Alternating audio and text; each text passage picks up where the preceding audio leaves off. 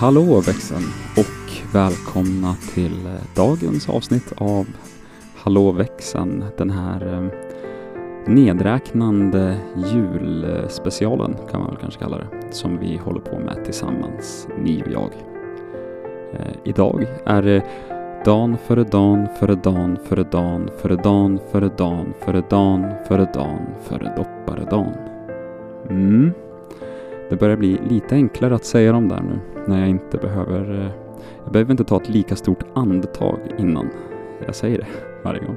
Men apropå det där så tänkte jag att om det är så att det är någon som lyssnar som inte vet varför eh, vi kallar det eh, för dopparedan så skulle jag ta och berätta det för er. Förr i tiden, så för länge, länge sedan när man firade jul, då såg julen ganska annorlunda ut och då hade vi fortfarande en del katolska Eh, traditioner. Eh, bland annat så fanns det en fasta som gick ut på att man inte fick äta kött eh, mellan Lucia och julafton. Eh, och det där tyckte ju många var eh, väldigt jobbigt på den tiden när alla var vana med att äta en otrolig massa kött. Nu nu finns det ju vegetarianer och veganer och dylikt eh, lite här och var, men det var nog inte lika, eh, lika vanligt på samma sätt. Då. Så det man gjorde var att man, om man kände att man verkligen inte kunde hålla sig, så tog man under dagen på julafton, som var en dag som var avsatt för att man skulle förbereda inför jul och städa och hugga ved och sådär. Men då tog man det barn man tyckte minst om och la i en, eh, och doppade i en gryta upprepade gånger. Det här eh, det stillade ju ingen hunger eller sådär, men det fick en att tänka på annat ett tag. Ehm, och eh, på den vägen är det, så, och det där är ju väldigt få som, som fortfarande sysslar med. Eh, men eh, jag har hört en del, som, en del så här tradition, mer traditionsbundna familjer som fortfarande doppar sitt mest olydiga barn i grytan. Mm, så var det med den saken. Tack för att ni är med och lyssnar. Nu åker vi.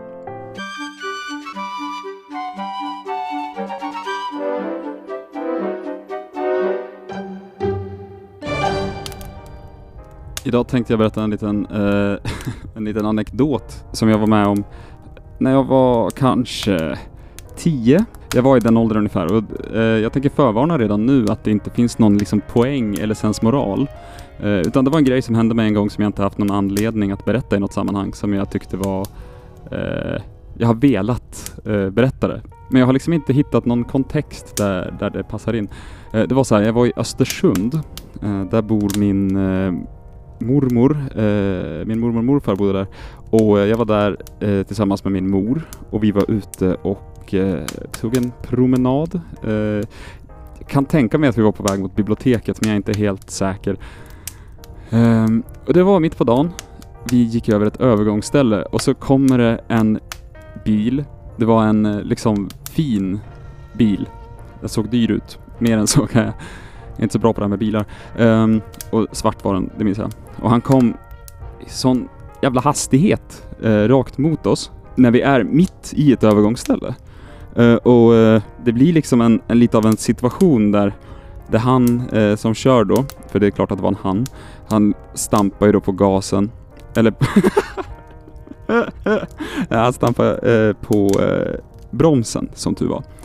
Ehm, det hade varit värre annars. Då hade den här historien haft ett annat slut. Ehm, men eh, han stampar ju då på bromsen. Min mor gestikulerar ju någonting, typ vad håller du på med? Och han är sån här, då sitter han och så pratar han i sin eh, jag försöker komma ihåg om det kan ha varit en liksom väldigt tidig iPhone, men jag tror nog att det har varit en Blackberry eller någon annan av de där telefonerna som var populära innan iPhone. Ja. Eh, och då gestikulerar han tillbaka liksom, vad fan håller ni på med själv? Jag, jag kör här. och det är så här mitt i ett övergångsställe och det är mitt på dagen och det är så här, ja vi, vi går. Vart skulle vi annars gå? Ja.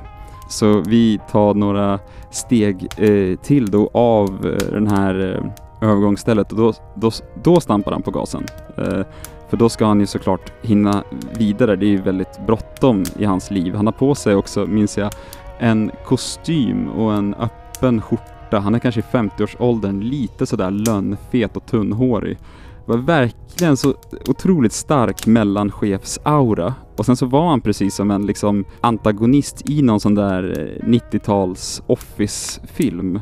För att han hade den där dyra bilen och såg ut som han gjorde och typ skrek åt en, åt en mamma med sin, med sin eh, tioåriga son som gick över ett övergångsställe där han inte höll koll. Ja, så då, då trycker han på gasen när han ska köra därifrån för att det ska gå snabbare samtidigt som han har öppnat rutan nu och vill typ ropa något till oss. Eh, och när han, så när han ska göra det, då hänger han ut handen genom fönstret som för typ en vink så här, vad fan håller ni på med? Och då bara råkar han liksom kasta ut, han råkar kasta ut sin jävla Blackberry eh, genom rutan. Och det var sådär, det händer ju inte med telefonen nu, men då kunde man ju liksom, när en telefon gick i marken, då kunde man ju se om det gick åt skogen eller inte för att den gick i tusen bitar. Och den här gick i 10 000 bitar och eh, han fick liksom skamset stanna in bilen och gå ur och börja städa ihop sin svindyra telefon medan vi promenerade vidare. Ja, det var den historien. Jag eh, tänker på den ibland och eh, undrar om det är så det känns att leva i någon form av eh, film eller tv-serie.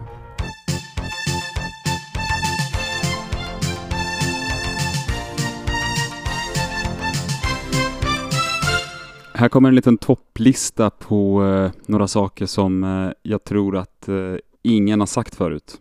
Utan innebördesordning. 1. Äh, jag är bara så himla glad. Min... jag är bara så himla glad. Min dotter har kommit in på estet.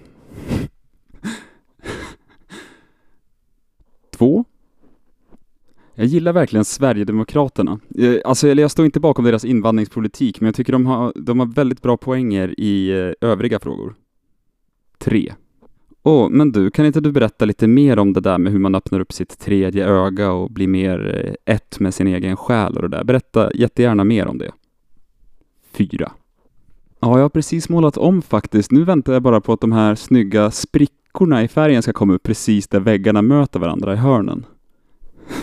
och avslutningsvis 5. Jag ser så himla mycket fram till måndag. Då ska vi ha sånt där möte på jobbet när vi ska få eh, eh berätta vad vi har gjort i helgen.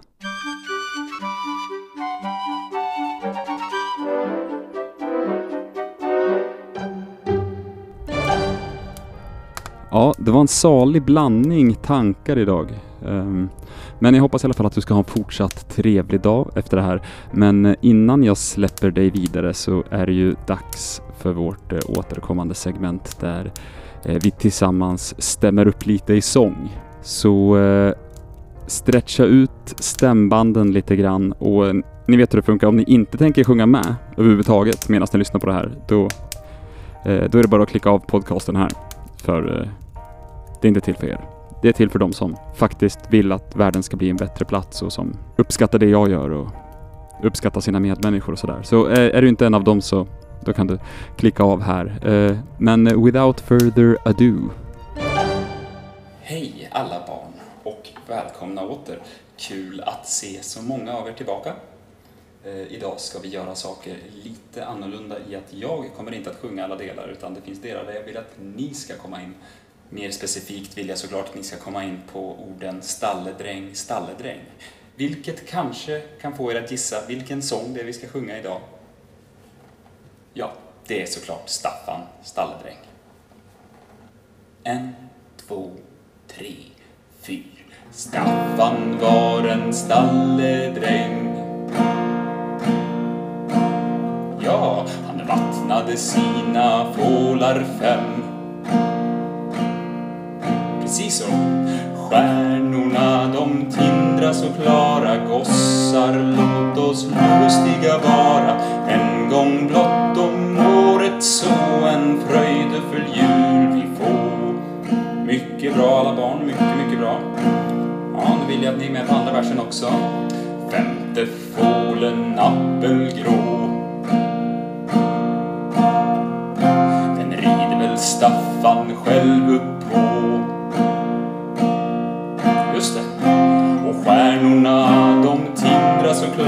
Gossar Låt oss lustiga vara En gång blott om året så en fröjdefull jul vi får Mycket bra, Mycket bra allesammans. Mm, det, här, det här kommer jag skriva upp i loggboken om er. Mm, det här har ni gjort väldigt bra.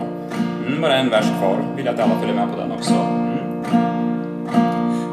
Nu är eld i varje spis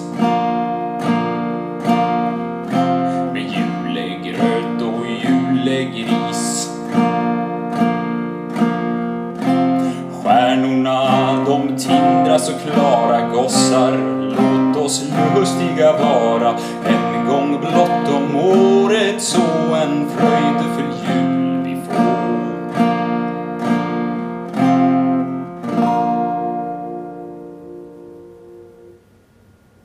Mycket bra alla barn. Och kom ihåg att i den julkalendern Mysteriet på Greveholm så fanns det ju ett eh, spöke där som hette Staffan som var just en stalledräng. Eh, men han dog ju genom att få en pil skjuten genom huvudet och det är också vad Jesus kommer göra med dig ifall om du tror på den sortens hädelser. Som att spöken skulle leva på ett slott.